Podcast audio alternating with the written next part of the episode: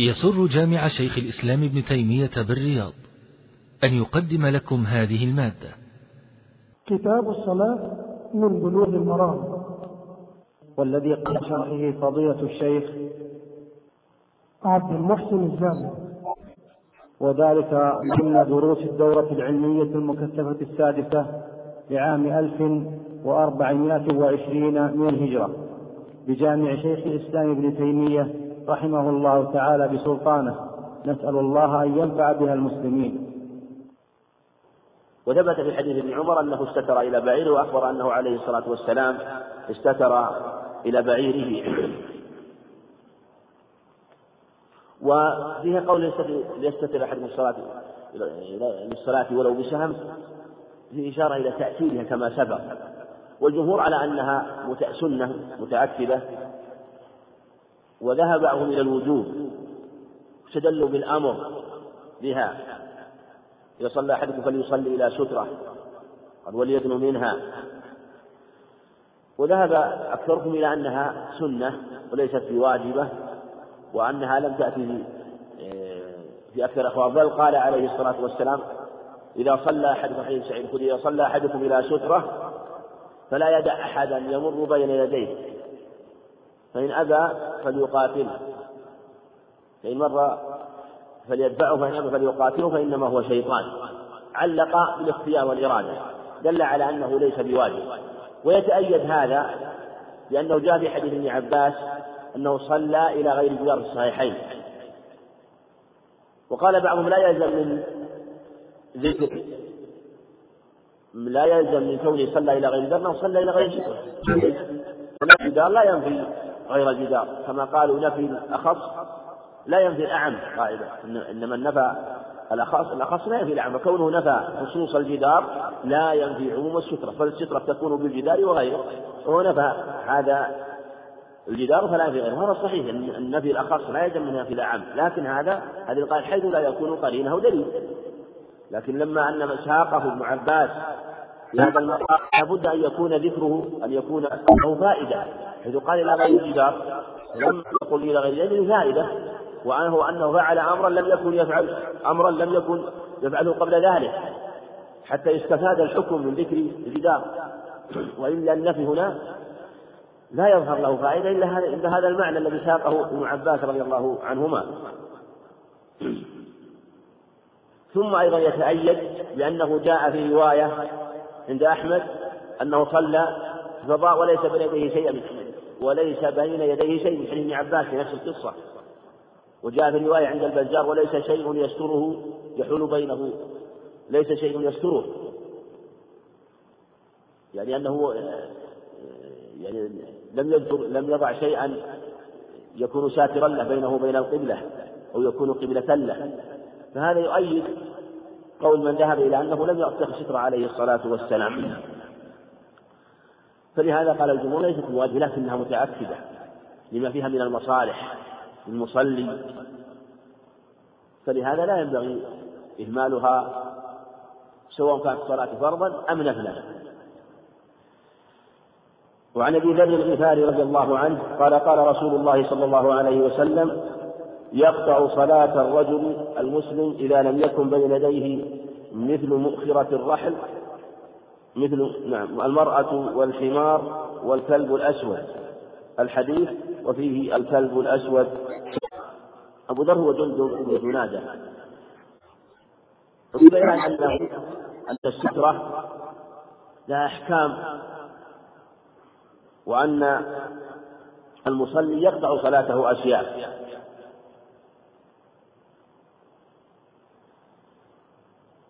وإذا صلى فلا فلا يدع أحدا يمر بين يديه وليتقي سترة. وإذا اتخذ سترة فإن فيه أشياء إذا مر إذا مر بين هو يدخل بها وهنالك يقطعها ويبطلها. ولهذا قال أخبر أنه يقطع صلاته إذا لم يكن له سترة مثل مؤخرة الرحل قال مؤخرة ومؤخرة. ومؤخرة الرحل جاءت في عدة أخبار مثل ما سبق في حديث عائشة وحديث طلحة بن عبيد الله أيضا صحيح مسلم وحديث أبي ذر وحديث أبي هريرة أيضا. كلها جاءت ذكر مؤخرة الرحل دل على أن المفرد كما سبق يحصل بها المقصود.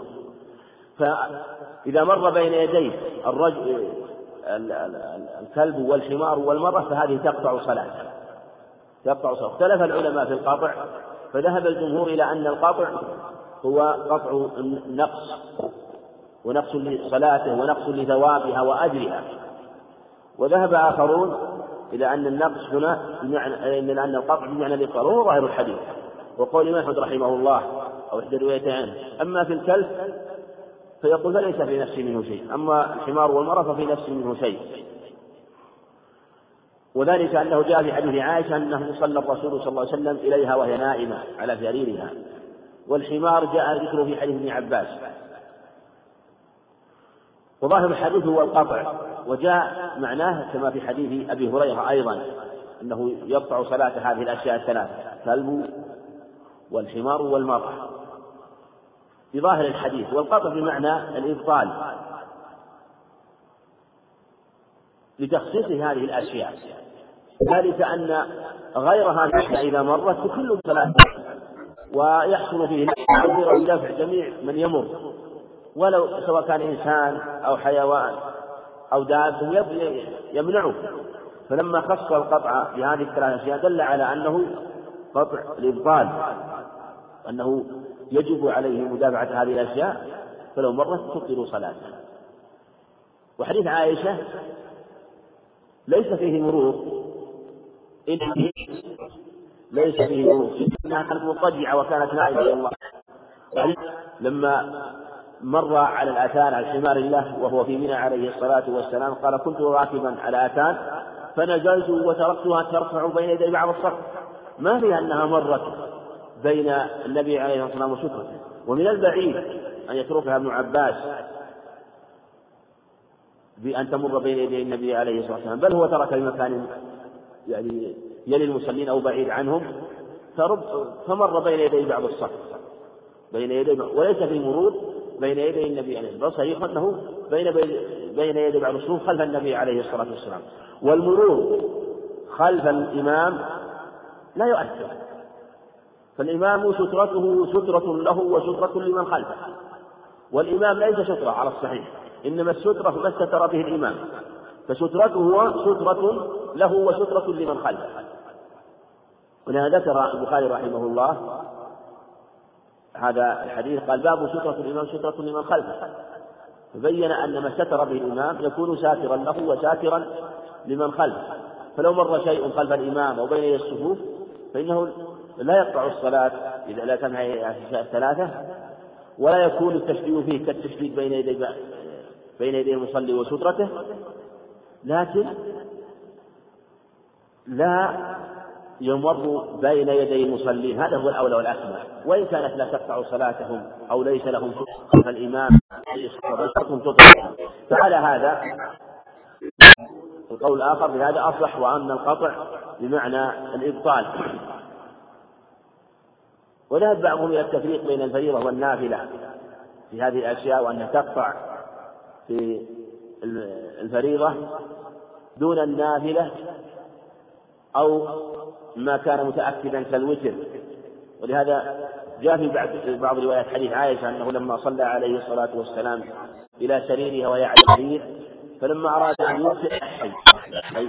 فكان فيه إشارة إلى التأثير أيضا وأن هذا خاص بالصلاة بصلاة الليل بصلاة النافلة غير ما غير الفريضة وغير ما يتأكد فإذا كان في الوتر أمرها بالتنحي فالفريضة من باب أولى حتى ولو كانت مارة ولو كانت مضطجعة أو جالسة لكن ينبغي النظر في هذه الرواية في صحتها في ثبوتها ثم لو دلت وثبتت في دلالتها موضع نظر أيضا لأن مجرد أمر لها بالتنحي فلا يدل على وجوب هذا الشيء. فقد يكون التنحي وافق قيامها من جهة أن الموضع كان ضيقا فأراد أن تتخذ مكانا آخر لما استيقظت أو قربت من قريب من صلاة الفجر فأراد أن تستيقظ فيكون أوسع لمكانه ولصلاته. ولهذا من لطفه عليه الصلاة والسلام وحسن خلقه معنا كان يصلي في هذا الموضع وهو ضيق وكانت عائشة رضي الله عنها كانت تضع رجليها في القبلة لضيق المكان فإذا أراد أن يسجد غمزها فرفعت رجليها. صلى الله عليه وسلم ورضي عنه. لأن في بعض الأحوال ذكر أنه صلى إلى السرير. وفي بعض الأحوال ما يفهم أنه صلى على السرير لأن الذي يظهر أنها إذا كانت تمد رجليها ويغمسها أنه يصلي على السرير وإلا لو كان يصلي تحت السرير وفوق السرير لا يحتاج إلى أن يغمز رجلها عليه الصلاة والسلام فترفع لأنها مرتفعة على السرير. فهما حالتان تارة صلى على السرير عليه الصلاة والسلام فإذا سجد غمزها بضيق تارة صلى تحت السرير وفوق السرير. فالمقصود أن هذا الحديث وما يدل على الإبطال وذلك لعل والله أعلم الله أعلم بالحكمة في مثل هذه الأشياء وما المقصود؟ فعلى المسلم يسلم في مثل هذه الأشياء سواء ظهرت له الحكمة أو لم تظهر له الحكمة وما المعنى المراد؟ سمعنا وأطعنا يسمع ويطيع. إن ظهر شيء من الحكمة في أحكام الشرع فكما يقول وخير على وإن تظهر الحكمة فيعلم أن أوامر ومصالح عظيمة. منها ما يدرك ومنها ما لا يدرك. وهو يقف عند هذه الأمور موقف التسليم والخضوع لما جاء في أوامر الشرع. فلا يضع أوامر الشرع على محك الامتحان والاختبار يختبر منها الأشياء تظهر لعقله فيقبله وما لا يقبله لا وما لا يظهر لعقله يقول هذا لا. هذا نوع من الرد ونوع من عدم القبول لأحكام الشرع. وموقف موقف التسليم يسمع ويطيع في جميع أحكام الشرع. ولهذا الشرع كما يقول العلماء يأتي بمحارات العقول لا بمحالات العقول يأتي بما تحار به العقول وما تحتار وما لا تفهم لا يأتي بمحالات العقول. الأشياء التي تأتي العقول لا يأتي بها الشرع لكن أشياء تحار فيها العقول ولا تدركها العقول في أحكام كثيرة. فموقفه منها موقف التسليم والرضا بأحكام الله هو الحكيم العليم سبحانه وتعالى في أحكامه وشرعه. لكن ذكر بعض العلم أنواع من قد تصح وقد لا تصح وقد تظهر لبعض العلم وقد يردها بعض أهل العلم أن أن الكلب والحمار ربما لما لما فيها من قبح الصوت وربما ليقارنها من الشيطان من الشياطين. فلهذا أمر بالتعوذ بالله من الشيطان عند أصواتها. عند صوت الحمار وعند نباح الكلاب في الليل كما في الرواية. والكلب بما فيه قبحه وما يلابسه. قد يكون لهذا المعنى والشياطين تلابس هذا الموضع. والمرأة كما جاء في الأخبار أنها فتنة. المرأة فتنة. وجاء في الحديث أنها إذا خرجت تشرفها الشيطان. وربما أيضا يكون لأجل معنى مقارنة الشيطان ولهذا الشيطان حريص على إبطال صلاة المسلم وأن يعرض بينه وبين صلاته. فقد يكون هذه المعاني وقد يكون بغيرها فالله أعلم. قال يعني مسلم عن أبي هريرة يلدون ذكر الكلب. وجاء أيضا في حديث عبد الله بن مغفل أيضا ذكر هذه الثلاثة وأنها تقصر صلاة المصلي. ولأبي داود والنسائي عن ابن عباس رضي الله عنهما نحوه دون آخره. وقيد المرأة بالحائط رواية أبي داود جاء فيها ذكر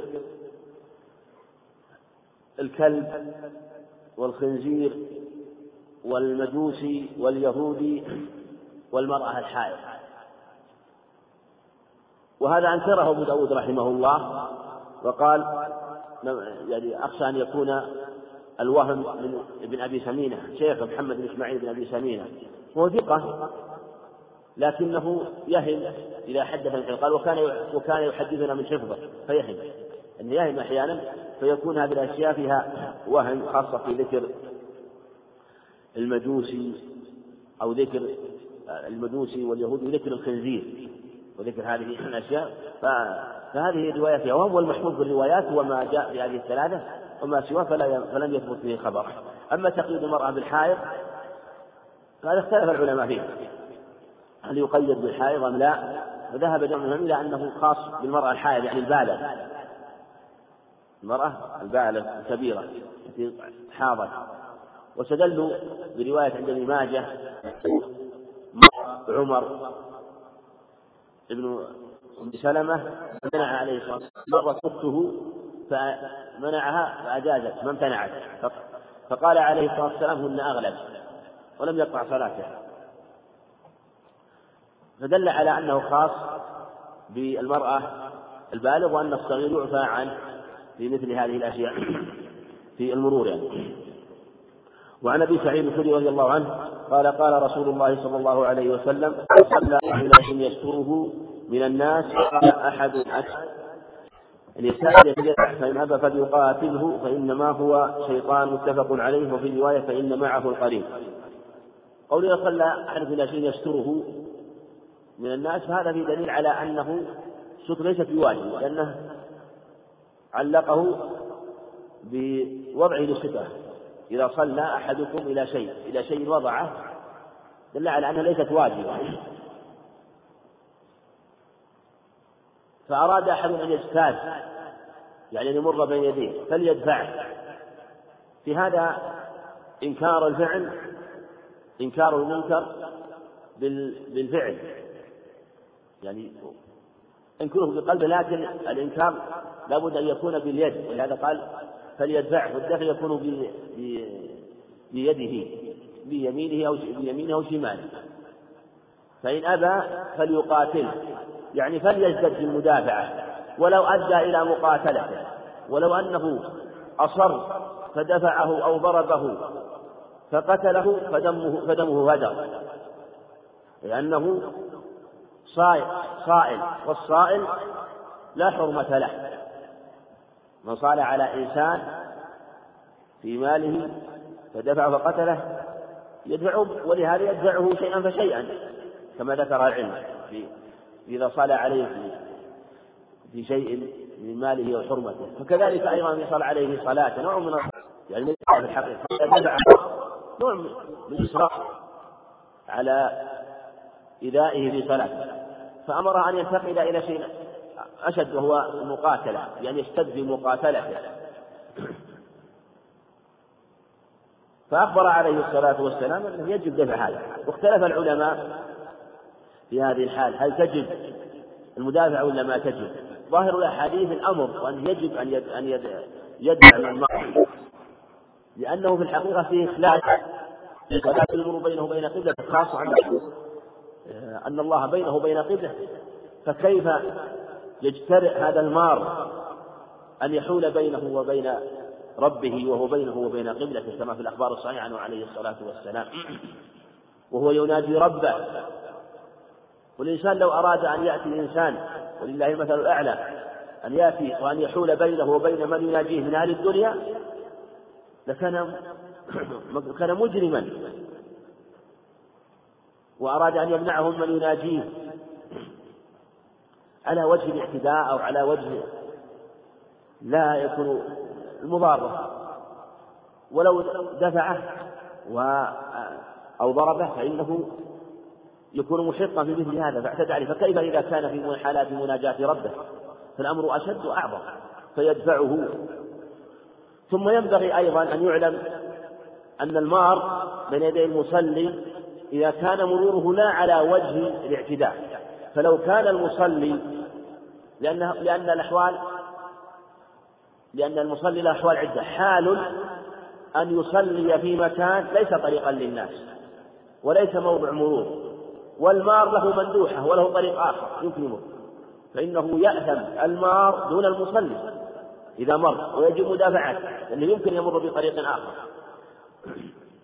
حال ثاني أن يكون المصلي مرور الناس وطريقهم. وليس للمار طريق غير هذا الطريق. فيأثم المصلي دون المار. يأثم المصلي دون المار. عكس الحالة الأولى. الحالة الثالثة أن يصلي في طريق للناس وليس له مكان آخر للمصلي ما وجد إلا هذا المكان.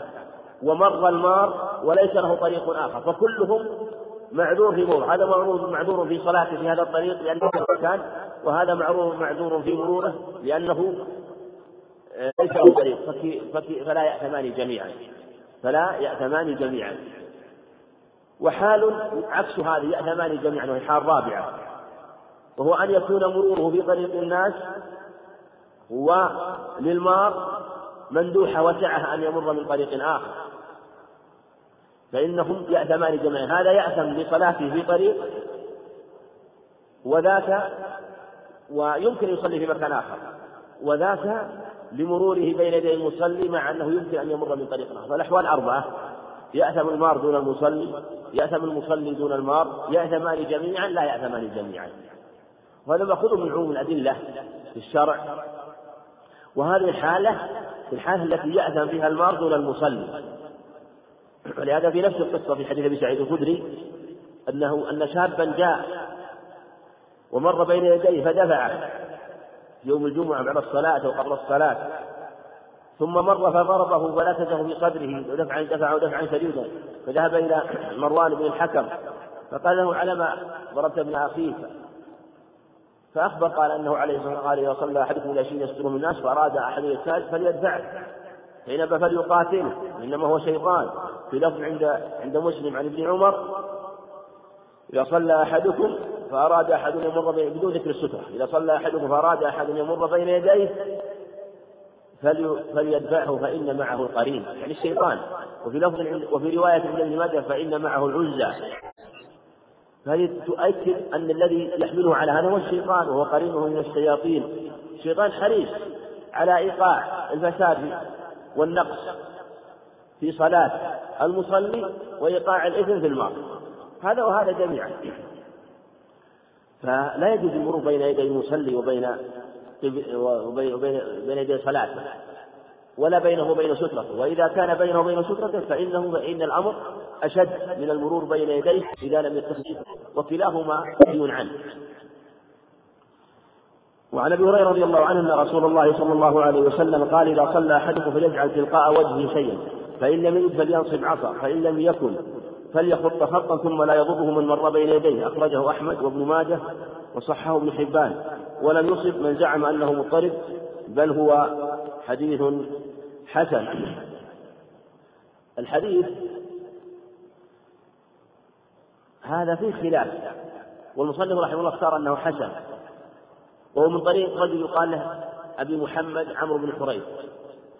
وقيل أبو عمرو محمد بن حريث. واختلفت روايته فرواه عن أبيه عن أبي هريرة. ورواه عن جده عن أبي هريرة ورواه هو مباشره عن أبي هريرة.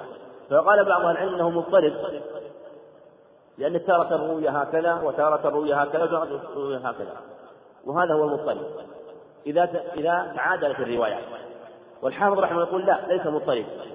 لأن الروايات التي جاءت فيها ما هو أرجح. فينظر فيما هو أرجح. هل رواه عن أبي هريرة مباشرة؟ أو رواه عن أبيه عن أبي هريرة مباشرة أو رواه عن جده عن أبي هريرة مباشرة. وواحد من هذه الروايات أرجح من غيرها وهذا لا شك. الاضطراب عند تعادل الروايات وعدم الترجيح عند تعادل الروايات وعدم الترجيح بينها. أما إذا رجح رجح بعضها على بعض فلا يكون مضطربا. فالراجح هو المعمول به والمرجوح يترك. فالمصنف رحمه الله يختار أنه ليس مضطرب وليس مثال المضطرب ثم اختار أنه حسن وقواه ببعض الشواهد. والأكثر على تضعيفه وأن شواهده لا تقوم على شاق وراويه مجهول الحال مجهول واختلف في اسمه. فلهذا فالحديث لا يثبت عندهم ولا يصح لضعف لجهالة للجهالة في سنده أو لهذا المجهول في سنده. ثم الحديث لو ثبت لا دلالة فيه على مشروعية ولذا قال إذا صلى أحد فليجعل في قائم وجهه شيئا. فإن لم يجد فلينصب عصا فإن لم يكن فليخط خطأ. فالمشروع للمصلي أن يضع شيئا يعني ما ينصب لأن عصا لأن العصا تسقط في الغالب تحتاج ربما إلى عمل وربما سقطت سقطتها الريح. فلهذا يضع شيء ثابت أو يصلي إلى شيء ثابت. كأن يصلي إلى جدار أو عمود أو شجرة. إذا أمكن ذلك المقصود يصلي إلى شيء. فإن لم يجد نصب شيئا. وهذا واضح نصب الشيء واضح. يعني الحالة الأولى والثانية ثابتة في الأخبار. وضع شيء أو نصبه واضح. ولهذا قال أما يستتر بسهم أو نحوه. وكان عليه الصلاة والسلام يستتر بالحرب كما في الصحيحين. والعنزة في الرواية الثانية. هذا واضح. لكن الخط في في مشروعيته نظر. ثم هو لا لو يعني لا يشرع مباشرة بل عليه البحث إن وجد شبهة فإن لم يجد هذه الأشياء هل يخط خطا أم لا؟ بعضهم قال لا يشرع الخط لضعف الحديث. ثم الخط في الحقيقة لا يحصل المقصود. لأن المقصود من السترة هو أن تمنع ما خلف ما وراءها وأن تكون حاجزا وحريما لصلاة المصلي والخط وأن يكون مرئيا معلوما. والخط ليس له واحد منها لا يرى في الغالب أو لا ينتبه له في الغالب. والشيء الثاني أنه لا يكون حادثا مانعا لصلاة المصلي. لهذا قال بعض العلماء لا يشرع بل أنكره بعضهم. ومن ومن قال بمشروع استدل بهذا الخبر. فالمشروع للمصلي هو السترة القائمة بين يديه شيء منصوب بنفسه أو ينصبه بنفسه. وعن أبي سعيد الخدري رضي الله عنه قال قال رسول الله صلى الله عليه وسلم الصلاة شيء وادروا ما استطعتم أخرجه أبو داود وفي سنده ضعف أبو سعيد كما سمعنا سعد بن مالك بن سنة الخدري رضي الله عنه. والحديث سنة ضعيفة من رواية مجالد بن سعيد بن عمير الهمداني. وليس بالقوي. ثم الحديث ظاهره مخالف للأخبار. حديث أبي هريرة حديث أبي ذر حديث عبد الله بن مغفل حديث أبي هريرة وأبي ذر. صحيح مسلم. وفي أنه يقطع صلاة المسجد. وهذا يقول لا يقطع. وهذا الحديث استدل به الجمهور لما ذهبوا إليه من أن القطع بمعنى قطع الثواب ونقص الثواب ونفاذ الصلاة. والصواب الحديث لا يصح. من طريق هذا الرجل إنما جاء عن بعض الصحابة رضي الله عنهم آه، أنه لا يقطع الصلاة شيء يروى عن روى سعيد المنصور عن علي وعن عن علي وعن عثمان وجاء عن بعض الصحابة. والسنة دلت على أن الصلاة يقطع أشياء كما ثبت عنه في الأخبار الصحيحة. والله أعلم.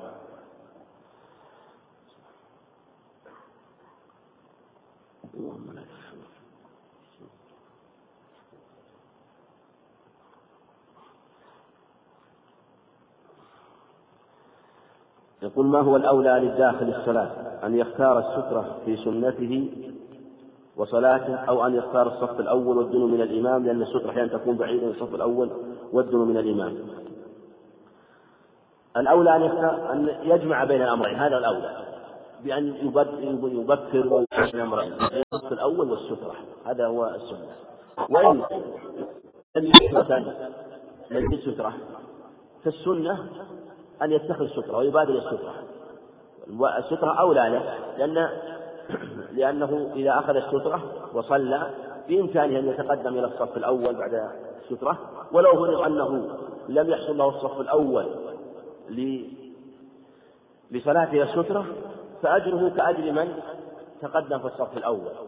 تأخره تأخر شرعي وإذا كان من حبس عن العفو فهو كما قال إذا مرض عبد وسافر كتب له ما كان يعمل صحيح مسلم فالذي يتأخر عنه لأجل أنه انشغل بعبادة أخرى فهو أعظم وأعظم. ثم ثبت في الصحيح أولى وأولى يعني من غيره. ثم ثبت في الصحيحين أن الصحابة رضي الله عنهم كانوا يبتدئون السواري. ولهذا قال كان الداخل لصلاة المغرب يظن أن الصلاة قد صليت بكثرة يعني كانوا يبتدئون السواري كانوا يصلي سنة المغرب وكانوا يصلون إلى السواري ويقصدون السواري. هذا هو المعروف من سنته عليه الصلاة والسلام كان يقصد الساري. ولهذا لما دخل الكعبة كان يقصد السترة. لما دخل الكعبة قصد إلى الجدار. قال ابن عمر لبلال قلت أين صلى؟ فحد له مكانا فكان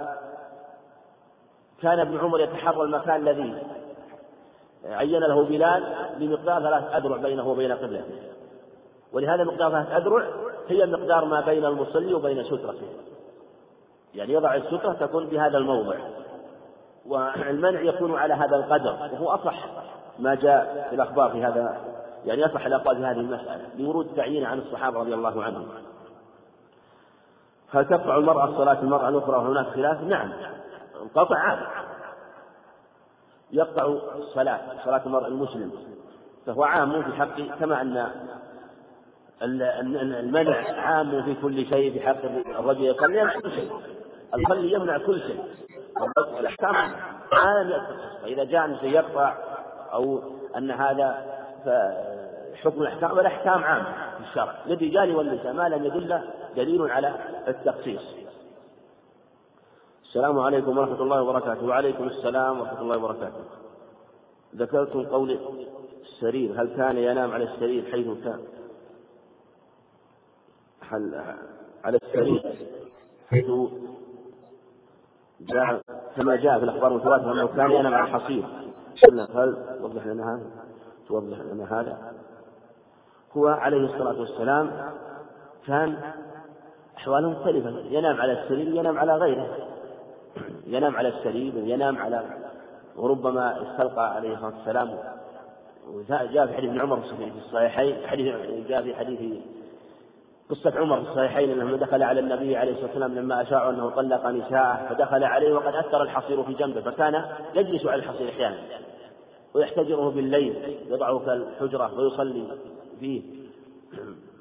ويجلس عليه. فأحوى ربما صلى لكن وينام على الفروة المدبوغة عليه الصلاة والسلام أو يتخذه وسادة. إذا أراد المصلي أن يقضي بعض الركعات فهل سترته لا زالت للإمام؟ لا إذا إذا فرغ من صلاته انقطعت صلاته مع الإمام إذا انتهت صلاته مع الإمام خلاص. سترة الإمام انتهت سترته مع الإمام إذا كان مع الإمام يصلي. أما إذا فرغ مع الإمام فإن في هذه الحال إن كان أمامه. آه، جدار ينوي السترة في الحال. مجرد ما يسلم ينويه بقلبه ويحصل مقصوده فإن لم يكن أمامه الشيء يتقدم إن كان أمامه السترة أو يأخذ يمينه أو شماله لا بأس إن كانت قريبة. وإن كانت بعيدة يحصل مرور آه، فلا لأنه آه، يحصل مشي كثير وهو معذور في هذه الحالة لأنه لم يتركها أصلا ولهذا السؤال لا سترة. وروى عن مالك أنه كان يصلي في في مسجد أو في مسجد النبي عليه الصلاة والسلام وكان أمامه سترة وكان بعيدا عنها فمر رجل لا يعلوه فتقدم قال يا أيها المصلي تقدم إلى إلى السترة. فجعل مالك يتقدم ويقرأ وعلمك ما لم تكن تعلم وكان فضل الله عليك عظيما وتقدم حتى وصل إلى السترة رحمه الله. السلام عليكم ورحمة الله وبركاته. وعليكم السلام ورحمة الله وبركاته. ما رأيت قول عائشة عنها ما سمعت الحديث الذي معنا؟ أنكرت الحديث وقالت شبهتمونا بالحمار والكلب. لها صح عنها في البخاري أنها قالت شبهتمونا. لقد قرنا بدواب سوء. هذا كأنها أنكرت هذا وخفي عليها لأنها رأت ان رأت أن ما من روى ما روى مخالف للحالة التي فعلها عليه الصلاة والسلام. وقالت لقد رايتني مضطجع على السرير والرسول يصلي إليه. فتعرض لي الحاجة فأكره أن اسنحه يعني أن أظهر أمامه. فأنسل انسلالا من مع رجلي السرير رضي الله عنها فربما ظنت انها أنه وهم أو أخطأ لكن الصواب مع الصحابة الذين رووا هذا وهي لها أمور ولها أقوال قالتها وانفردت فيها رضي الله عنها ولها من الفقه والاستنباط الشيء العظيم لكن هي كغيرها تخطئ. ويخفى عليها فالعلم فلم تضمن لها العصمة كغيرها من من أهل العلم وأهل الفضل فإذا خفي عليها شيء مسألة وقع فلترد إلى السنة.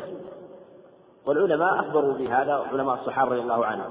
مع أنها روت في رضي الله عنها كما في المسند؟ أنه تقطع الصلاة المرأة والحمار والكلب والكعب لكن هو من راشد بن سعد رجل قال راشد بن سعد عنها وهو لم يسمع منها لكن إن ثبت عنها إن ثبت عنها فإنه يكون حجة في أنها روت ونسيت رضي الله عنها كما يقع في بعض الروايات من يروي شيئا وينساه. إذا لم يكن أناس في مكان بل كان وحده أحد سيمر يديه تشرع السترة من من الجن؟ وهل صح هذا شيء؟ السترة مشروعة سواء مر بين يديه شيء أو توقع لم ولهذا الرسول عليه الصلاة والسلام والناس خلفه كان يصلي إلى سترة في الأسفار كان يتخذ الحرب. مع أنه في الغالب لا يمر بين يديه شيء. والسترة إن قيل إنها خشية التشويش يقول ان إن مشروع إن مشروعية السكر هي أجل خشية التشويش. فهذا قال بعض الناس في أو في مكانه ان احد لا يشوش عليه صلاة. وإن قيل أنها حريم للمصلي وأنها آه، يضعها حتى تكون موضع وحد لصلاته وبينه وبين القبلة فإنه يشرع. وهذا هو الصواب لا للتعليل هذا لكن لعموم الأدلة. والتعليل و وعموم الأدلة يدل على صحة هذا التعليل. لا أن التعليل يدل على صحة هذا القول. عموم الأدلة يدل على صحة هذا التعليل. فالعمدة على ما جاء في الخبر في في في مشروع السترة مطلقا والأمر بها في جميع الأحوال. السلام عليكم ورحمة الله وبركاته. وعليكم السلام ورحمة الله وبركاته. هل ترد المرأة إذا أرادت المرور بين يدي هل أو ترد المرأة إذا أرادت المرور بين يدي المصلي؟ وإذا ترتب على دفع المرأة من لمس الله فهل يدفعها وهو الحال بالنسبة للحرم المكي والمدني؟ بما فيه من زحام وكثرة النساء خصوصا في المواسم كالحج ورمضان ونحو ذلك. وإذا كان ظاهر على ظاهر الحديث هل يعيد الصلاة ولو والدعاء؟ وقطع وقطع وقطعة المرأة أكثر من مرة. نقول المصلي يدفع من مر بين يديه. يدفع من المر سواء امرأة أو رجل. يدفع من ولهذا وإن كان فيه دفع لها فمفسدة ما يكون من دفعها منغمر في مصلحة الحفاظ على الصلاة والبقاء عليها. وما أمر به في الأخبار وهو في الحقيقة إذا كان في حال المدافعة لا يكون في حال يكون فيه شيء من الفتنة خاصة أنه ربما دفع ويعرض ببصره وفي الغالب هو أولا عليه يشير يشير بيده هكذا. يعني قبل أن يمر المار من رجل أو امرأة يشير ينبه ثم بعد ذلك يدفع يدفع. وإن مرت قطع الصلاة يستأنف صلاة. يستأنف صلاة إذا إذا جاوزت يعني مرت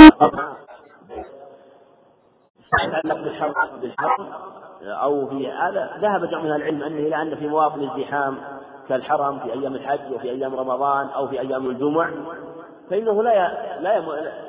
لا يتبع أحدا لأن في الحق لا إثم على المار وإذا كان لا إثم عليه فلا يجوز الدفع لا يجوز إلا من كان آثما أما الذي يمر يمر وهو لا إثم عليه لكونه لا يجد مكانا ولا طريقا إلا من هذا فلا يمر. وظاهر ما نقل عن أبي سعيد الخدري رضي الله عنه أنه يرى وجوب الدفع مطلقا ويرى أنه يجب على المار أن يقف مطلقا حتى ولو كان فيه زحام.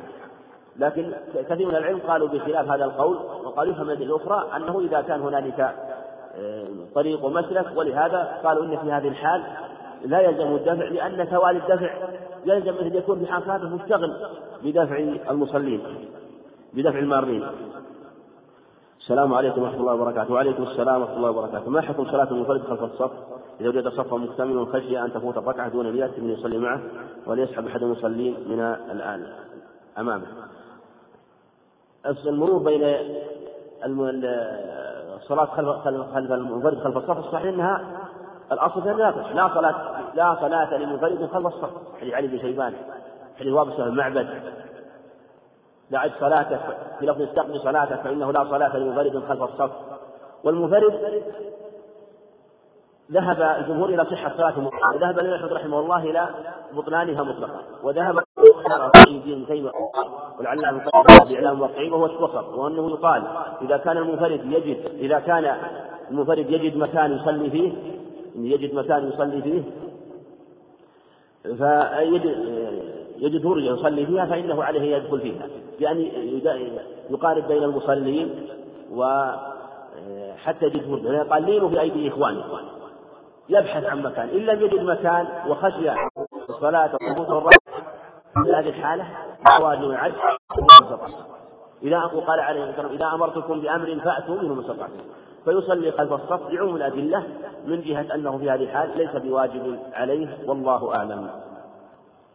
الحمد لله رب العالمين والصلاة والسلام على نبينا محمد وعلى آله وأصحابه وأتباعه بإحسان إلى يوم الدين. قال الإمام الحافظ ابن حجر رحمه الله تعالى باب الحث على الخشوع في الصلاة. قال باب الحث على الخشوع في الصلاة. وذلك أن هناك أفعالا تنافي الخشوع في الصلاة. فربما أذهبته بالكلية وربما أذهبت بكمال الخشوع المطلوب.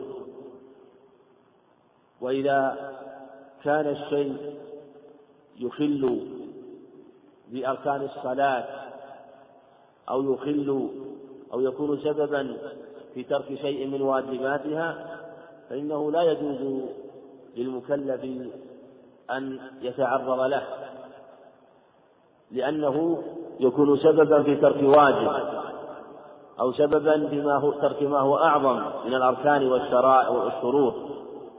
وعلى هذا لا يجوز التلبس بهذه الأفعال أو الهيئات التي تكون سببا في الإخلال بأركان الصلاة أو شروطها أو واجباتها. والخشوع مطلوب في الصلاة. ولهذا أثنى الله على الخاشعين كما قال سبحانه قد أفلح المؤمنون الذين هم في صلاتهم خاشعون. وجاء في الحديث أنه عليه الصلاة والسلام كان يرمي ببصره هنا وهنا أو أو كان يرفع بصره أو ينظر أمامه حتى نزل فطأطأ بصره في السماء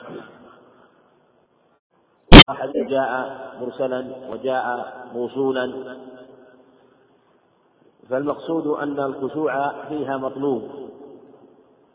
وإذا كان الخشوع في السير إليها والسكينة والطمأنينة أمرا مطلوبا فالخشوع فيها أولى وآكل كما قال عليه الصلاة والسلام إذا أقيمت الصلاة فلا تأتوها وأنتم تسعون.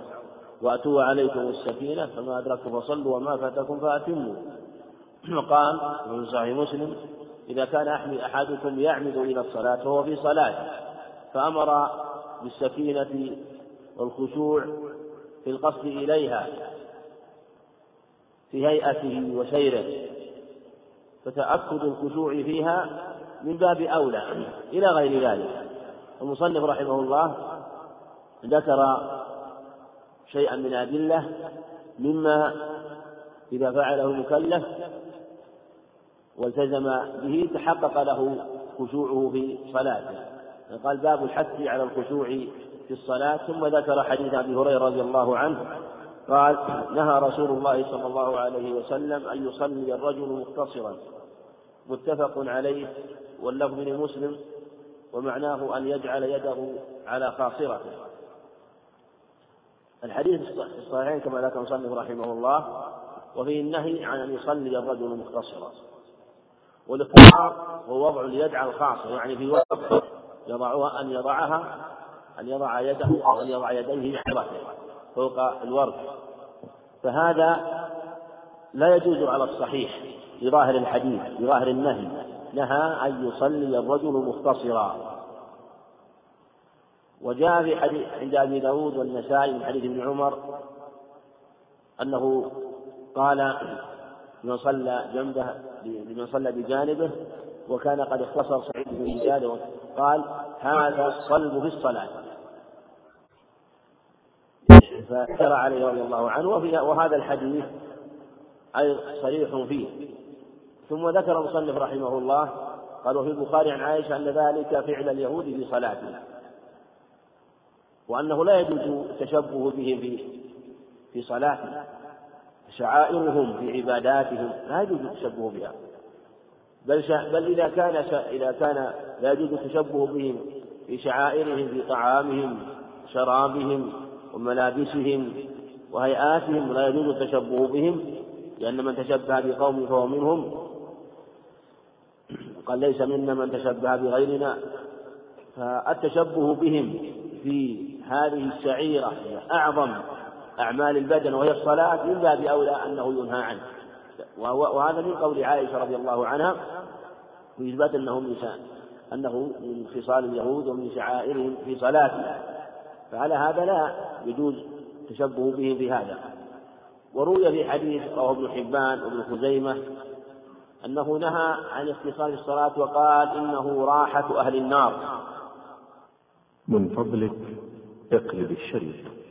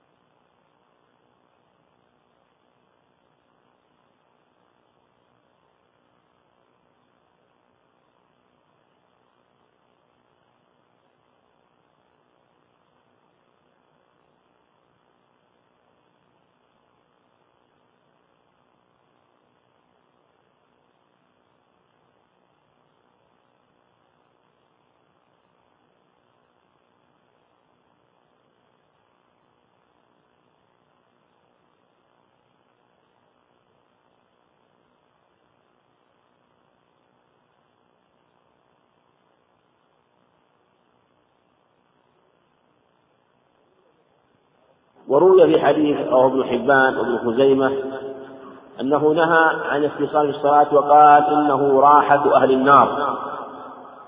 اختلف العلماء قيل لأنه كما ذكر المصنف عن عائشة أنه في فعل اليهود بصلاتهم. وقيل ما ذكر في الخبر المروي أنه راحة أهل النار.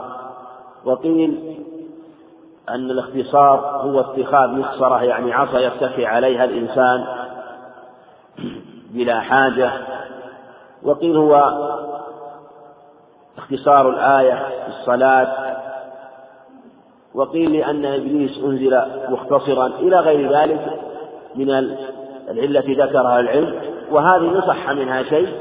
إن صح من هذه كل ما ذكر مما صح نقلا فإنه لا مانع أن يكون علة وأن تتعدد العلل في النهي عن الشيء.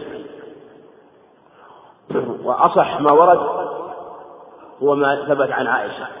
وأعلى ما ورد ما جاء عن النبي عليه الصلاة والسلام لكن ينظر يعني في سنده في بعض الضعف وهو أنه راحة أهل النار. فالمقصود على كل حال سواء يعني علمت العلة أو لم تعلم فإنه لا يجوز وضع اليد على الخاصرة ووضع اليد على الوسط في الصلاة.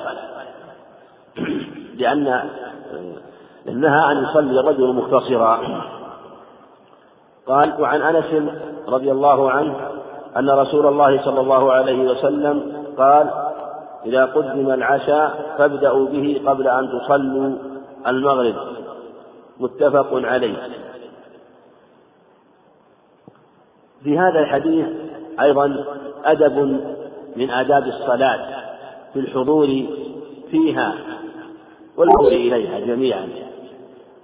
إذا قدم العشاء فابدأوا به قبل أن تصلوا المغرب. الحديث جاء الصحيحين من حديث ابن عمر أيضا الصحيحين من حديث عائشة بلفظ إذا وضع العشاء. وجاء بلفظ إذا حضر. إذا حضر العشاء تبدأ به قبل أن تصلوا أو قبل الصلاة. وهذا فيه كما فيه هنا قبل أن تصلوا المغرب. والألفاظ الأخرى عام في جميع الصلوات. وفيه لفظ إذا قدم وهل المراد بالتقديم هو حضوره بين يديه؟ أو المراد ما هو أعم من ذلك وهو يرحمك الله وهو أن يكون الطعام حاضرا أو جاهزا للتناول والأكل. ظاهر الأخبار أنه عند تقديمه قال إذا قدم يعني إذا الشيء إذا قدم هو ما الشيء المقدم هو ما يحمل أو يؤتى به أو أن يكون جالسا عليه. ولفظ إذا وضع أيضا في معناه فعلى هذا يكون الأمر بالصلاة الأمر بتناول الطعام عند حضوره وتقديمه فلو كان جاهزا لكنه لم يقدم فإنه يبدأ بالصلاة يبدأ بالصلاة. بظاهر الأخبار في هذا ما. هذا هو الأصل في هذا في الحديث لأن الألفاظ تواردت واجتمعت على هذا المعنى. ولأنه ولأن المعنى يدل عليه لأنه إذا قدم بين يديه تعلقت به نفسه وتاقت إليه نفسه. وربما انشغل في صلاته بالطعام الذي قدم بين يديه. فلما أنه تعلقت بنفسه كان من حكمة الشرع رخص له إذا قال أبو الدرداء من فقه الرجل إقباله على إقباله على حاجته ثم إقباله على صلاة. فقال معناه ابن عباس رضي الله عنه فيقبل على حاجته. ثم بعد ذلك يقبل على صلاته حتى يقبل وقلبه فارغ كما قال أبو من فقه الرجل إقباله على حاجته ثم إقباله على صلاته حتى يقبل وقلبه فارغ وهذا هو المقصود من أكل الطعام أن يكون قلبه فارغا للصلاة فلا تتعلق نفسه بالطعام.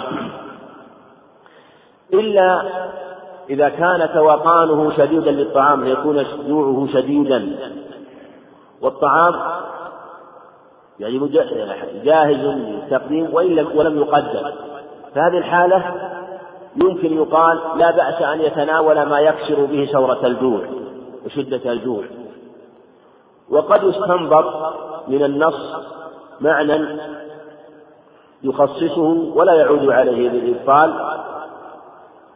إذا كان المعنى مقصودا في من الشارع وتبين من النص أنه مقصود من الشارع.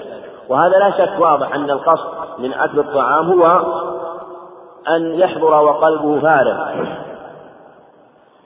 وإلا إذا كان ليس حاضرا ونفسه لا تفوق توقانا شديدا ولا تميل إليه ميلا شديدا فإنه يقدم صلاته ثم بعد ذلك يأكل الطعام. ثم إذا أكل يأكل يأكل حاجته وكفايته. يأكل حاجته وكفايته. ثم أيضا مثل ما جاء عن ابن عمر أنه كان يأكل وكان يسمع قراءة الإمام.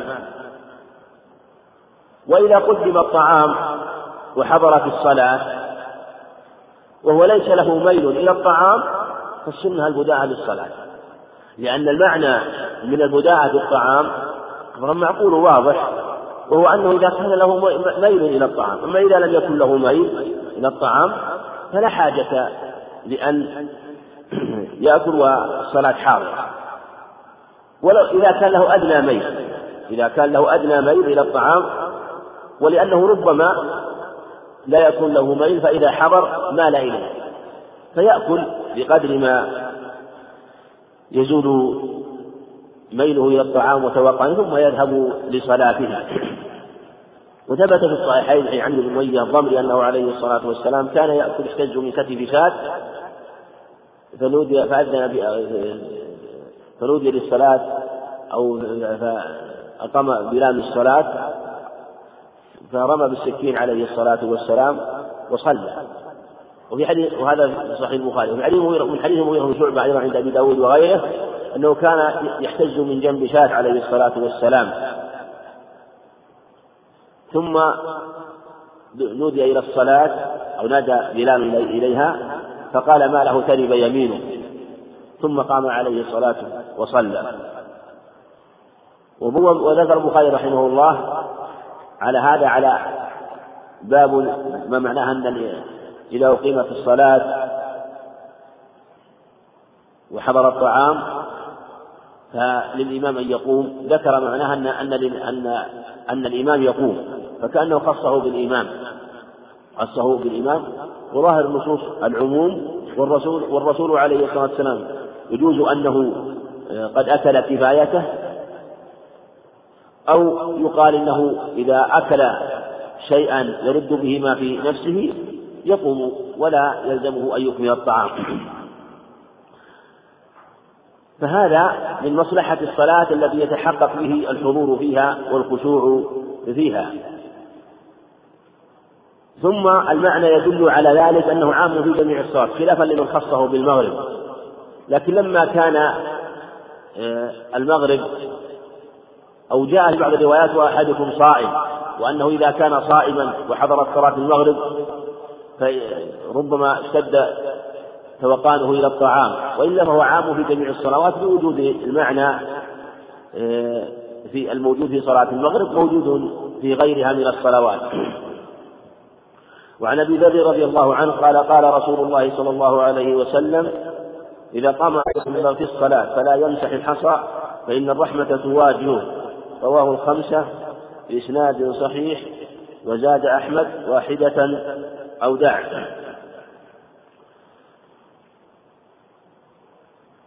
حديث أبي ذر حديث أبي ذر. ابو ذر هو جندب بن جنادة. توفي سنة اثنتين رضي الله عنه توفي سنة اثنتين وثلاثين من الهجرة. وهذا الحديث قال إذا قام أحدكم الصلاة رحمك الله فلا يمسح وجهه فإن الرحمة تواجهه فلا يمسح فلا يمسح العصا فإن الرحمة تواجهه قالوا رواه الخمسة بإسناد صحيح. هذا فيه نظر لأنه يعني رواية أبي الأحوص الليثي. أبي الأحوص الليثي أو أو هما من بني ليث وهو مجهول. وجزمه بأن إسناد الصحيح مما يستغرب ولعله خفي عليه حاله حال الإملاء. وهذا مما يبين أنه رحمه الله يعلق علق شيئا هذا كتاب أو علق معظمه من حفظه الحديث ضعيف بهذا السند. قول فإن الرحمة تواجه التعليل. تعليل للنهي عن مسح الحصى. ثم السنة ألا يمسح الحصى في صلاته ولا يمسح التراب ولا يمسح المكان الذي يصلي عليه. وهنا ذكر الحصى لأنه كان والموجود والغالب ومسجده عليه الصلاة والسلام لم يفرش بالحصى أو بالحصبة فإذا كان بالتراب أو كان مثلا مفروشا بغيره وكان فيه شيء من التراب فلا يمسح الصلاة إن مسح قبل الصلاة فلا بأس.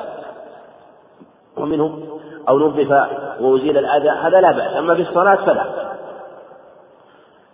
فإذا أراد يمسح يمسح واحدة يمسح واحدة.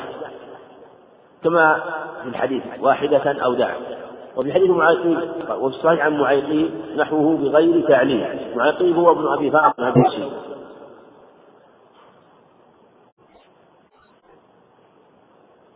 وفيه أنه سئل عن مسح الحصى في السجود إذا سجد.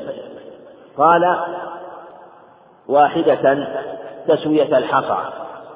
يعني تمسح مسحة واحدة. فيمسح واحدة. وإن تركها فهو أفضل. فترك المسح في الصلاة لموضع الصلاة لموضع السجود وترك المسح للجبهة هو الأفضل والأكمل ولهذا ثبت في الصحيحين عنه عليه الصلاة والسلام من حديث أبي سعيد الخدري أنه لما صلى بهم وأصبح قال إني أريد أن أسجد صبيحتها في ماء وطين في ليلة 21 فصلى بهم وكان المسجد مسقوفا بالجريد وجذوع مطر في السماء. ثم صلى بهم عليه الصلاة والسلام فسجد في الماء والطين فلما انصرف وإذا رأوا أثر قال أبو سعيد الخدري وأثر الماء والطين أو أثر الطين على جبهته وأرنبته على طرف أنفه عليه الصلاة والسلام ولم يمسح عليه الصلاة والسلام. وفي الغالب أن هذا أثر يدركه ويحس به واضح ولم يمسح دل على أنه لا تمسح أثناء الصلاة. في أثناء الصلاة لا يمسح لا موضع السجود ولا محل السجود وهو الجبهة بعد الصلاة فيه خلاف هل يمسح أو لا يمسح؟ على الخلاف في مسح اليدين بعد الوضوء وأنه أثر عبادة. فبعد الصلاة الأمر فيه أيسر إنما إذا كان في الصلاة فيمسح واحد فلا يمسح وإن أراد يمسح فيمسح واحدة ولو ترك الواحدة فهو أفضل. ويروى في حديث جابر عند أحمد أنه عليه الصلاة والسلام قال لأن يمسك أحدكم عن المسح في الصلاة خير له من مئة ناقة كلها سود الحدث ولها قال أو تسوية الحصى يسوي الحصى. إلا إذا كان الموضع الذي يصلي فيه موضع وعر وموضع ربما شق عليه السجود فيه. فالأولى أن يسويه قبل الصلاة وأن يهيئ الموضع قبل الصلاة. ثم يصلي. ولو فرض أنه لم يتيسر له ذلك أو أثناء السجود شق عليه لا بأس أن يساوي ما يشق عليه من صلاته. ولهذا ثبت أن الصحابة رضي الله عنهم كانوا يسجدون في حديث في حديث أنس كانوا يتقون حر الشمس في الظهائر بأطراف القيام مع أن السنة أن المصلي أن يباشر بجبهته وألا يسجد على شيء متصل به من ثوب أو غترة أو ما أشبه ذلك. الصحابة رضي الله عنهم كانوا لا يباشرون شيئا إلا مع شدة الحر فيضعون شيئا يتقون به أثر حرارة الحصى. وربما أخذ أحدهم الحصى في جمعه وجمعه في يده حتى يبرد ثم يفرشه في الأرض. فهذا مثله إذا شق عليه ذلك أو كان يضره سجود فيسوي الموضع الذي يسجد عليه ثم بعد ذلك آه، يعني يترك فيكون مسحه بقدر الحاجة. وعن عائشة رضي الله عنها ومعيط بن أبي فاطمة الدوسي صحابي له رضي الله عنه له أحاديث قليلة.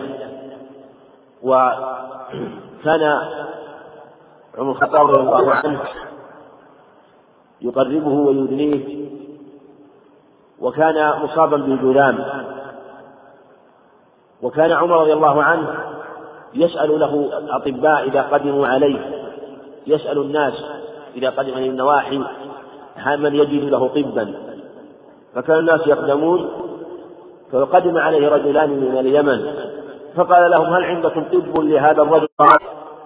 قالوا أما شيء يزيله فلا نأخذه لكن يوقفه يعني نستطب له بشيء قال عافية عظيمة.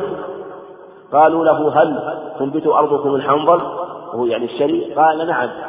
فأمر بمثلين عظيمين. فأمر بمثلين. ثم أحضرا فجعل يأخذان من هذا الحنظل ويشقانه على النصف. يشقانه مع النصف. ثم جعل أمسك برجليه فجعل كل يدرك رجلا حتى محقت رجله مع الدلك فلما رأوه يتنخمه. أخضر مرا من فمه أطلقاه وأرسلاه فتوقف ما به رضي الله عنه حتى توفي. وليس له من الحديث إلا قليل نحو حديثين يعني بهذا القدر رضي الله عنه. وقوله بغير تعليل قوله بغير تعليل يعني بغير ذكر أن الرحمة تواجهه. والذي ثبت وجاء في الأخبار كما سيأتي أن الله عز وجل بينه وبين قبلته وأنه يناجي ربه. هذا أصح وأبلغ كما سيأتي. وعن عائشة رضي الله عنها قالت سألت رسول الله صلى الله عليه وسلم عن الالتفات في الصلاة فقال هو اختلاس يختلسه الشيطان من صلاة العبد. رواه البخاري. الالتفات في الصلاة لا يجوز على الصحيح وإن خالف فيه جمهور العلماء. صواب قول من ذهب بعدم جوازه قال اختلاس يشبه الشيطان من صلاة العبد. وفي حديث وفي الحديث الصحيحة أنه عليه الصلاة والسلام قال لا ينتهين أقوام عن رفع أبصارهم إلى السماء في الصلاة في لفظ في دعائهم أو لتخطفن الصحيحين وفي اللفظ الآخر مسلم أو لا ترجعوا إليهم. فإذا كان الالتفات بالبصر وهو تقليبه ها هنا وها هنا ظاهر حديث النهي فالالتفات برقب برأسه ومن هنا ومن هنا من باب أنه والجمهور يقولون مكروه إلا إذا انصرف عن جهة قبلته انصرافا تاما أو انحرف بصدره انحرافا تاما. هذا خلاف ما جاء في الأخبار وخلاف هدي عليه الصلاة والسلام. ولهذا لما سئل عن الثبات لما سألته عائشة قال اختلاس يعني اختطاف. الاختلاس والاختطاف بسرعة. والاختلاس هو النهب عند رؤية صاحب الحاجة أو مع عدم رؤيته اختلس الشيء أخذه بخفية أمام صاحب يعني يكون الشيء معد من متاع أو طعام أو مال. أو وهو يرى. والانتهاب أخذ الشيء مكابرة. نهب الشيء مكابرة على سبيل الغلبة. والسرقة أخذ الشيء بخفية من الحرز. فالاختلاس اختلاس فالالتفات اختلاس. يعني أنه أن الشيطان يحاول أن ينقص صلاة العبد فيحضر فيحضره في صلاته فيرى غفلته. فيدخل بينه وبين صلاته فربما وسوس له فالتفت هنا هنا حتى يصيب في صلاته فلا يدري كيف يفعل في صلاته وكيف يصلي. واختلاس يختلسه الشيطان من صلاة العبد. والالتفات يجوز للحاجة. يجوز وثبت في أخبار كثيرة أنه عليه الصلاة والسلام التفت. وأن أصحابه أيضا. أبو بكر الله عنه الصحيحين أن بكر لما صلى به حديث أبي سعد. أبي العباس سعد بن الساعدي التفت في صلاته لما أخبر لما صفقوا. فأكثر التصفيق والتصفيق التفت رضي الله عنه حتى رأى النبي خلفه عليه الصلاة والسلام. و ثبت في حديث حديث صحيح حديث سهل بن حنظلي عند أبي داود أنه صلى بهم الفجر فجعل يلتفت إلى جهة الشعب وكان قد أرسل راكبا يحرسهم ويكون ربيئة لهم في رأس الوادي. فالتفات الحاجة فلا بأس. وجاء في ابن عباس حديث جيد أنه عليه الصلاة والسلام عند الترمذي كان يلحظ يمينا وشمالا غير أنه لا يمي عنقه. يلحظ بعينه يعني الحاجة إلى غير ذلك. فالالتفات إذا كان حاجة فلا بأس به. و وللترمذي قال والترمذي وصححه إياك والالتفات في الصلاة فإنه هلك فإن كان لابد ففي التطوع. هذا الحديث خطاب لأنس فيما يظهر قال إياك وليس خطاب لعائشة. وإن ذكر الشارح في سبيل السلام عن خطاب لعائشة على أن يكون الضمير خطاب لها فيكون إياك والالتفات. والحديث عن أنس لكن أوهم أنه عن عائشة لأنه ذكره عقب حديث عائشة. قال ولي الترمذي وهو عن أنس قال إياك والالتفات. الصلاة فإنه هلك والمراد هو وغيره فإن كان لابد من التطور والحديث هذا ضعيف. له علتان في علي بن زيد بن جدعان الحجازي الزهري وهو ضعيف. وهو من رواية سعيد بن المسيب عن أنس وهو لم يسمع منه. ثم هذا التفصيل به نظر صواب الله عن الإثبات مطلقا.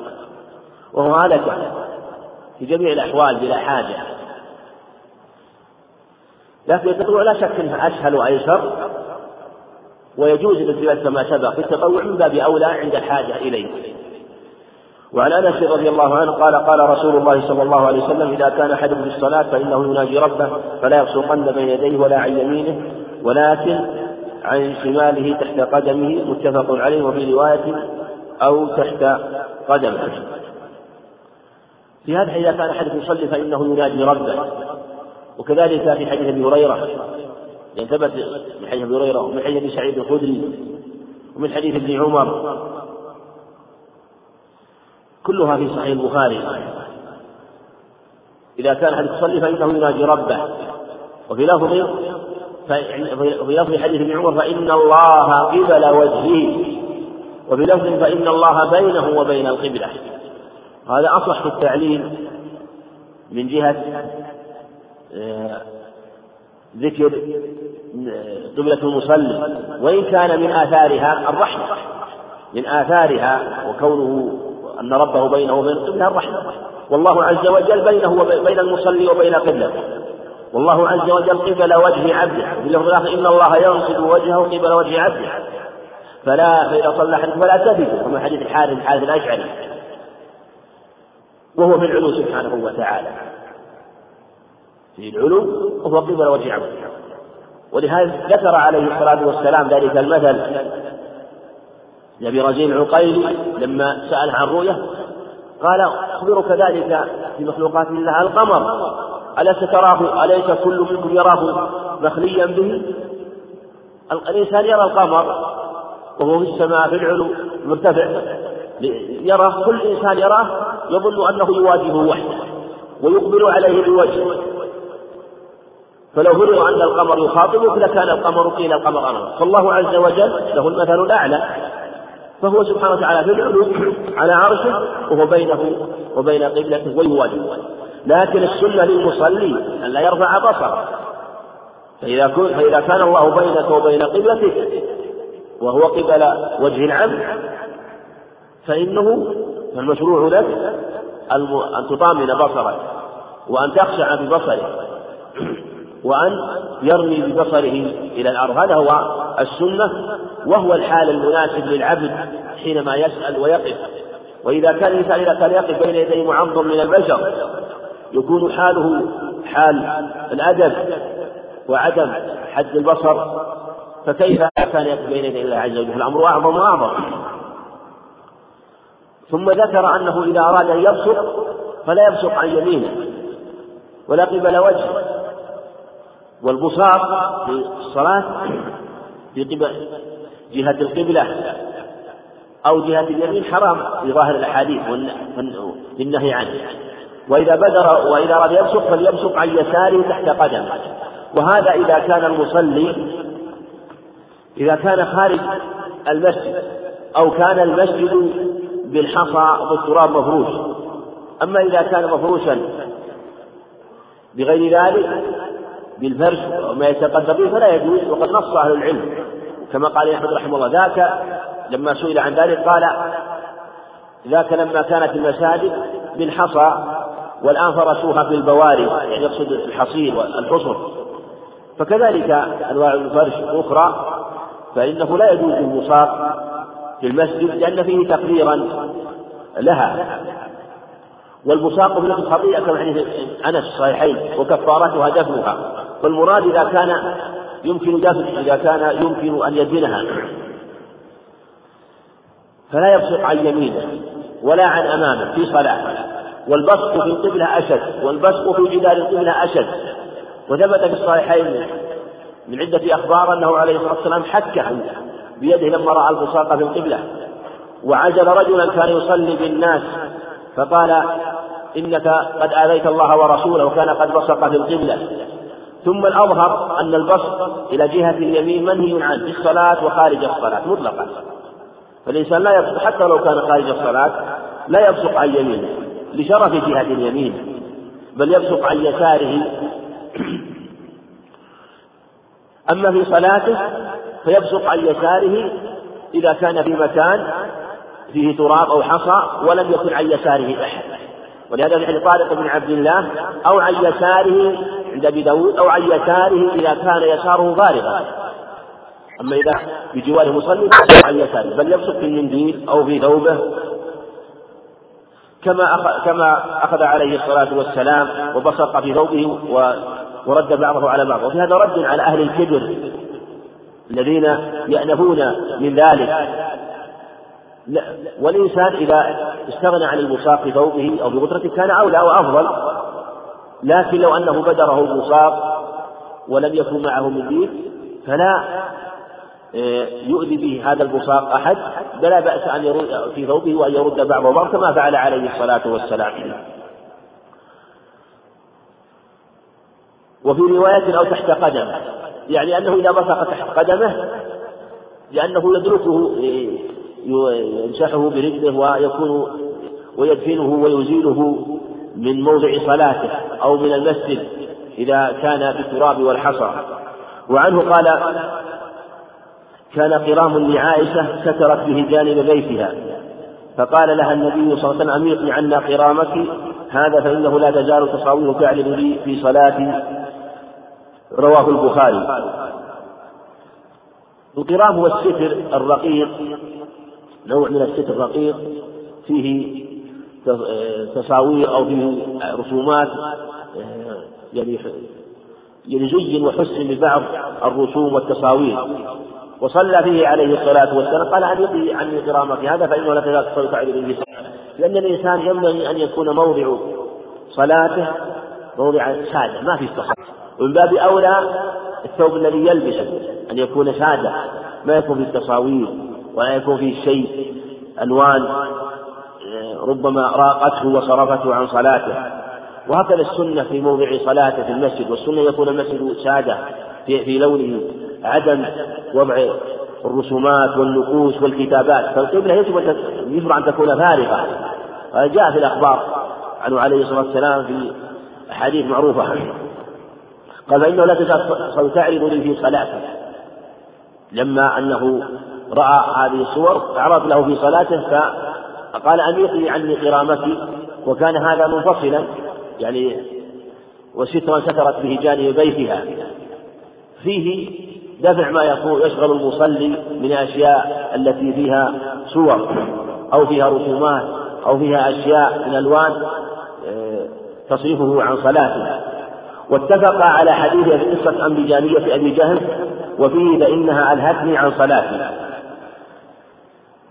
في قصة أبي جهل عامر بن حذيفة القرشي أنه أهدى للنبي عليه الصلاة والسلام بجانبية وهي كساء فيه شيء من الرسوم والتصاوير فالرسول عليه الصلاة والسلام لبسه في صلاته. فلما لبسه ألهته في صلاته قال ألهتني وفي لفظ عند البخاري كادت أن تفتنني. ثم قال ردوا هذه على أبي جهم وأتوني بأنبجانيه يعني ردوا هذا الكساء عليه وأتوني بكساء آخر غليظ ليس فيه صور وليس فيه تصاوير.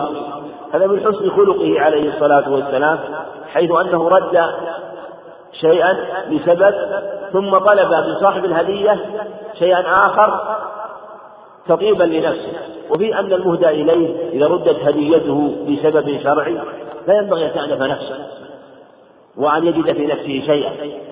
فإذا كان الموجب لرد لردها أمرا شرعيا فلا فإنه لا يعنف وينبغي المهدي إذا علم أنه يطيب من المهدي يعني مهدى عليه يطيب من المهدي أن يطلب منه شيء آخر وأنه أطيب لنفسه أن يطلب منه ذلك خاصة إذا كان بينهم انبساط وشيء من التسامح ويدرك هذا منه فلا بأس أن يطلب منه حتى لا يقع في نفسه شيء كما فعل عليه الصلاة والسلام.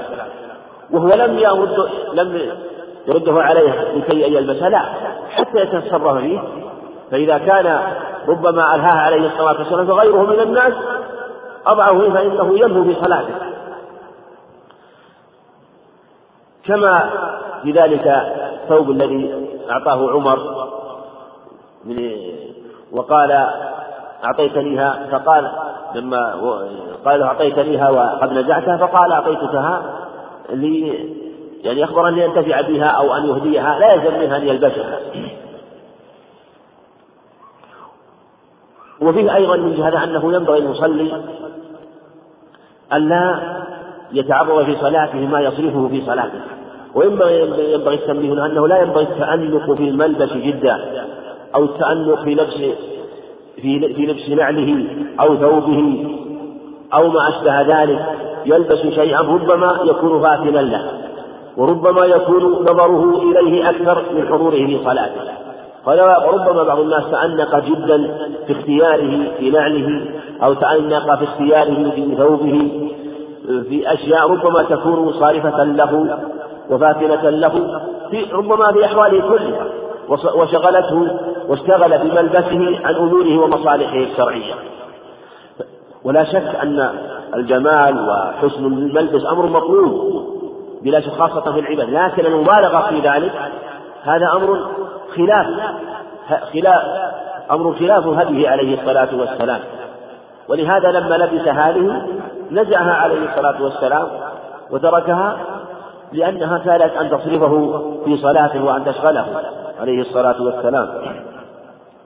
وعن جابر بن سمر رضي الله عنه قال قال رسول الله صلى الله عليه وسلم لينتهين أقوام يرفعون أبصارهم إلى السماء في الصلاة أو لا ترجعوا إليه والحديث عن جابر بن سمرة وهو في الصحيحين أيضا عن أنس ينتهين أقوام عن رفع أبصارهم في السماء إلى السماء.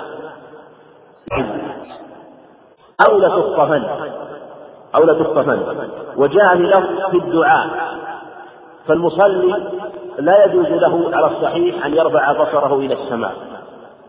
بل ينبغي عليه أن يخاف أن يطامن وأن يثبت في صلاته. ويقال وعيد شديد أو لتخطفن أو لا ترجعوا إليه. يعني يخطف بصره والعياذ بالله عقوبة عادية. مثل ما ذكر في الصحيحين أولا يخشى الذي يركب يسجد قبل أن يقلب الله صورته صورة حمار؟ وفي لفظ ابن ماجه أن تلتمع أن تلتمع يعني أبصارهم يبين أنه آه، في عقوبة شديدة فلا يجوز أن آه، يرفع بصره بالصلاة بظاهر الحديث. وله عن عائشة رضي الله عنها قالت سمعت رسول الله صلى الله عليه وسلم لا صلاة بحضر الطعام ولا هو ولا هو يدافع الأخبثان حديث صحيح مسلم عن عائشة لا صلاة بحضر الطعام ولا ولا هو يدافع الأخبثان وهذا عام في جميع الصلوات. نكر في سياق النفي. وهذا يدل على العموم مثل ما سبق أن الإنسان لا يصلي بحضر الطعام هذا يشمل كل صلاة. ولا هو يدافع الأخبثان البول والغائط وكذلك في حكم الريح. فينبغي أن يذهب ويقضي حاجته ثم بعد ذلك يحضر بصلاته هذا هو الأولى والأكمل. بل إنها بل إن الصواب لو أنه كان على وضوء ولم يكن لديه ماء وكان يدافع الأخبثين أو أحدهما فإن السنة أن يقضي حاجته ويتيمم إذا لم يجد الماء لأن صلاته في هذه الطهارة صلاة طهارة شرعية عند فقد الماء أو العجز عن استعماله. فحضوره في صلاته أولى وأكمل من كونه يصلي بتلك الطهارة مع عدم حضوره في صلاته. وعن أبي هريرة رضي الله عنه أن النبي صلى الله عليه وسلم قال التثاؤب من الشيطان فإذا تثاب أحدكم فليكذب ما استطاع. رواه مسلم والترمذي وزاد في الصدق الحديث عزاه إلى مسلم وهو حقيقته في الصحيحين. ولو قال متفق عليه واللفظ لمسلم لكانت العبارة جيدة. لأن هذا اللفظ الصحيحين وهذا لفظ مسلم.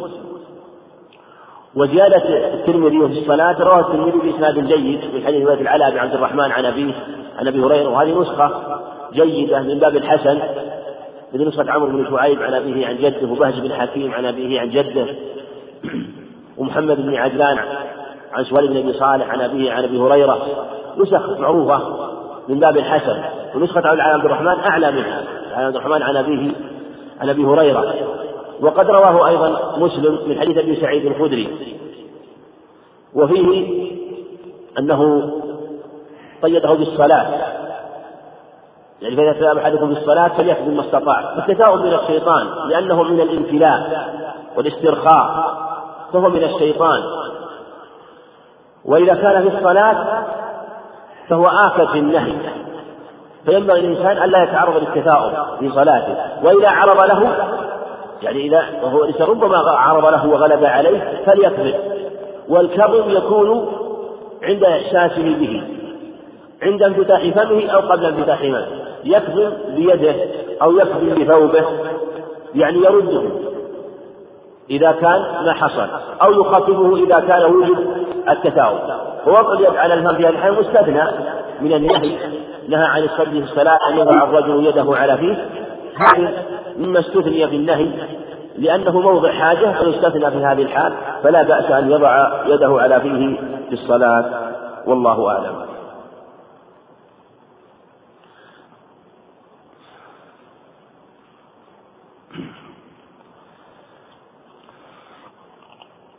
السلام عليكم. وعليكم السلام ورحمة الله. ما رأيكم بالصلاة على البسط التي فيها تصاوير وكذلك الثياب التي فيها صور وهل تبطل صلاته؟ الصلاة على البسط كثير من العلم إن كانت توطى فيصلي لكن السنة ألا يصلي على التصاوير. هذا الأولى والأحسن ألا يصلي على مو على مكان فيه تصاوير فإذا كانت ترى وتمتهن فالأمر أخر. ولهذا الصور إذا وطئت وامتهنت زالت العلة والأكمل أن أن تقطع أو أن تطمس الصورة كما أنه عليه الصلاة والسلام في قصة عائشة في ذلك اتصال الذي الصور جعل منه وسادتين مسبدتين لكن جاء في رواية أنه بقي التصاوير كما عند الإمام أحمد رحمه الله. فعلى هذا الأكمل ألا يصلي في مكان فيه تصاوير وكذلك لا يصلي في ثوب في تصاوير لأنه أبلغ لأن إذا كانت في ثوب في التصاوير فإنه يكون معه ويتحرك بحركته ولهذا ألقى عليه الصلاة والسلام ذلك الكساء. مع أنها مجرد وقوش فالصور أشد وأشد. إلا إذا كانت الصورة مختفية تكون في جيبه فهذا الأمر فيها أيسر خاصة عند الحاجة السلام عليكم ورحمة الله وبركاته. وعليكم السلام ورحمة الله وبركاته. هل الرؤية بالبصر يمين وشمال من غير التفات جائز؟ صحيح أن الالتفات بالبصر عن يمينه وعن شماله التفات يعني يلتفت يرى عن يمينه مطلقا وبالبصر الالتفات منهي الالتفات منهي عنه يعني بمعنى التفات برأسه يمينا وشمالا أن يحرف وجهه إلى جهة جهة الشمال كذلك رفع البصر إلى السماء. الالتفات بالبصر على اليمين بدون رفع هذا موضوع نظر الله أعلم. هل يقال إنه من ظاهر الله أنه مكروه؟ فليقرب لما ثبت أنه كان يلتفت يمينا وشمالا كان يلحظ في صلاته عليه الصلاة والسلام يعنقه حديث ابن عباس في التنبيه فلا يقال إن عند عدم الحاجة مكروه. بخلاف رفع البصر السماء فالنهي فيه صريح بخلاف الالتفات بالتفات برأسه. وقد ورد في حديث جيد رواه أحمد وغيره من حديث عبد الرحمن بن شبل أنه عليه الصلاة والسلام نهى عن التفات كالتفات الثعلب وأن نقل كنقل القرآن وأن يوطن الرجل كما يوطن البعير. هذا الحديث ربما استدل به على التحريم وهو موضع نظر. جمهور العلماء على أنه لا بأس به لكن قول الكراهة متوجه هو, هو الأقرب. هل الآيات القرآن المكتوبة في المحراب لا ينبغي وضعها علما قد تشغل المسلم؟ نعم لا ينبغي وضع الآيات القرآنية لا في المحراب ولا ما ينبغي وضع أي لأن هذا منافي. قال ابن عباس لا مساجدكم كما جفرت اليهود والنصارى كنائسها وبيعها. ونهى عن التباهي في المساجد عليه الصلاة والسلام. فكذلك من باب أولى إذا كان النقوش والكتابات هي منهي عنها. السلام عليكم ورحمة الله وبركاته. وعليكم السلام ورحمة الله وبركاته. إذا مر المار بين يدي المصلي وهو غير متعمد فتعدى هل يرجع بعد ما يتعداه أم يكمل سيره؟ لا إذا تعدى خلاص. إذا تعدى ما في حاجة يرجع. لو أرجعه لقطع مرة ثانية. فلهذا لا يرجعه. هل الإمام ابن المقدم أكمل شرحه عندة الأحكام أم أنه وصل إلى كتاب الصوم؟ ما أدري. عن طبع منه مجموعة من الأجزاء. أما إكمال شرحه فلا أدري ما عندي خبر عنه. السلام عليكم وعليكم السلام ورحمة الله وبركاته. هل تحرك هل تحرك الرسول صلى الله عليه وسلم عندما فتح الباب لعائشة في الصلاة؟ أو هل تحرك الرسول صلى الله عليه وسلم عندما فتح الباب لعائشة في الصلاة مقيد بصلاة السنة فقط؟ وقيام بين ركعتي سنة من سنة فجر ويكون ركعتين فقط؟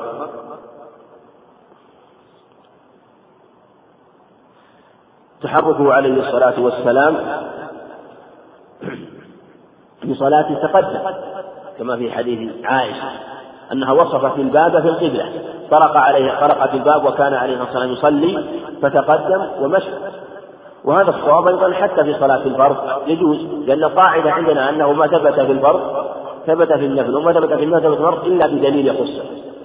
فإذا احتاج في صلاته للتقدم تقدم وإن كان في في حال فرض. من كان له ساعة حديث السلام عليكم ورحمة الله وبركاته. وعليكم السلام ورحمة الله وبركاته.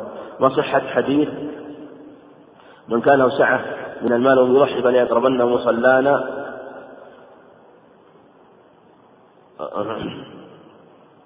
رواه مسلم. أبو داود. لا الحديث ما رواه مسلم. يعرف أنه ليس لم يروه مسلم. والحديث أظنه من رواية أبي رملة رجل مجهول الحال. واستدل به من قال إنها إن إن الضحية واجب والصواب أن الضحية ليست واجبة لكن الجمهور على أن ليست واجبة وبعضهم أوجبها على الغني. أوجبها على الغني كالأحناف. والجمهور على عدم وجوبها. مطلقا لحديث ابن سلمة. إذا رأيتم هلال ذي الحجة فمن أراد منكم أن يضحي فلا يأخذن من شعره ولا بشره شيئا. فعلقه بالإرادة فليست واجبة ولكنها متأكدة في حقنا قادرا عليها. السلام عليكم ورحمة الله وبركاته. وعليكم السلام ورحمة الله وبركاته. النهي عن الصلاة النافلة في أوقات النهي هل هو للتحريم أو الكراهة؟ النهي عن الصلاة في أوقات النهي للتحريم لظاهر الأحاديث أنه نهى عن الصلاة في هذه الأوقات والنهي للتحريم. هل يجوز أن يصلي وقت طلوع الفجر؟ إلى صلاة الفجر أي سنة الفجر؟ السنة ألا يزيد على ركعتي الفجر. كما ثبت في الحديث الصحيح أنه عليه الصلاة والسلام إذا طلع الفجر لا يصلي إلا ركعتي الفجر هذا هو السنة. سبق معنا حديث أبي هريرة عن الترمذي أنه لا صلاة بعد الفجر إلا سجدتين. وحديث عبد الله بن عمرو العاص عند الدار قطني أنه لا صلاة بعد طلوع الفجر إلا سجدتين. وجمعنا عن عدة من الصحابة وهذا مثل ما سبق بعضهم جعله وقت نهي وبعضهم قال ليس وقت نهي فالمقصود أنه لا يشرع أن يصلي إلا ركعتي الفجر. شكر الله لفضيلة الشيخ على ما قدم وجعله في ميزان حسناته. والسلام عليكم ورحمة الله وبركاته.